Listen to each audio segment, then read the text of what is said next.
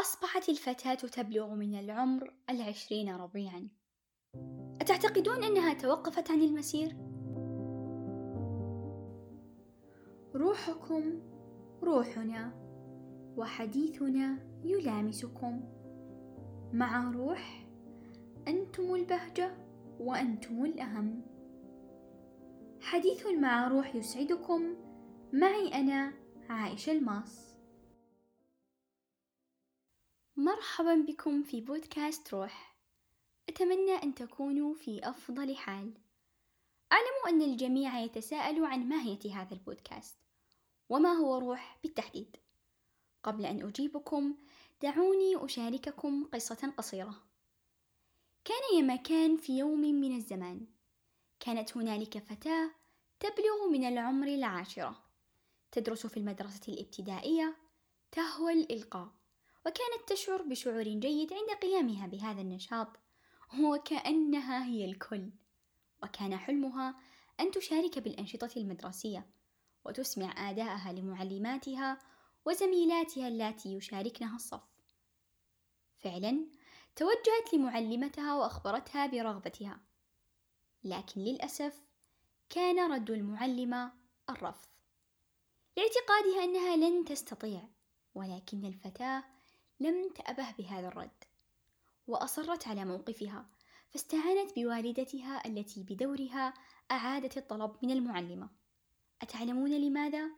لأنها كانت تؤمن بقدرات ابنتها. فأتت تلك اللحظة التي أبهرت فيها الفتاة الصغيرة معلمتها بآدائها. ومن هنا كانت الانطلاقة.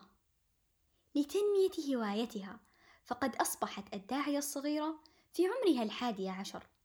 ثم توالت عليها النشاطات حيث كلفت بإلقاء كلمة الخريجة على التوالي في المرحلتين الابتدائية والمتوسطة. أعقبها مشاركتها في مسابقة الإلقاء حيث حصلت على المركز الأول على مستوى المدرسة ثم انتقلت إلى مرحلة جديدة. بطموح متجدد واسع الأفق فانضمت إلى فريق الإنشاد بحفل الكرامة وحفل تكريم المتفوقات بحضور الأميرة العنود وكذلك حفل المتقاعدات. وحتى بعد تخرجها تلتها العديد من المشاركات في مجالات مختلفة.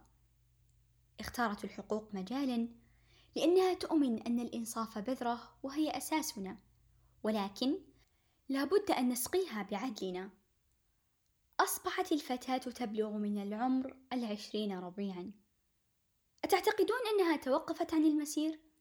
بالطبع لا. فكان أول إنجازاتها في المرحلة الجامعية الفوز بالمركز الثاني في مسابقة أطلقها أحد النوادي المميزة. هذه الفتاة التي أتت للدنيا ربيعا وللحياة سعادة وللأرض بهجة وتفاؤلا وشموخ. هي هذه الفتاة التي تسمعكم صوتها محدثتكم عائشة. وبعد أن شاركتكم قصتي ها أنا أخبركم لما أسميت البودكاست. روح.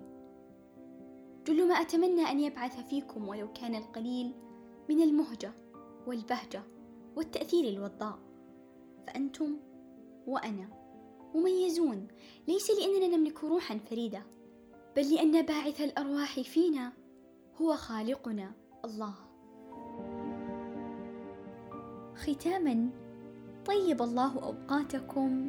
املين أن نلقاكم في الحلقات القادمة.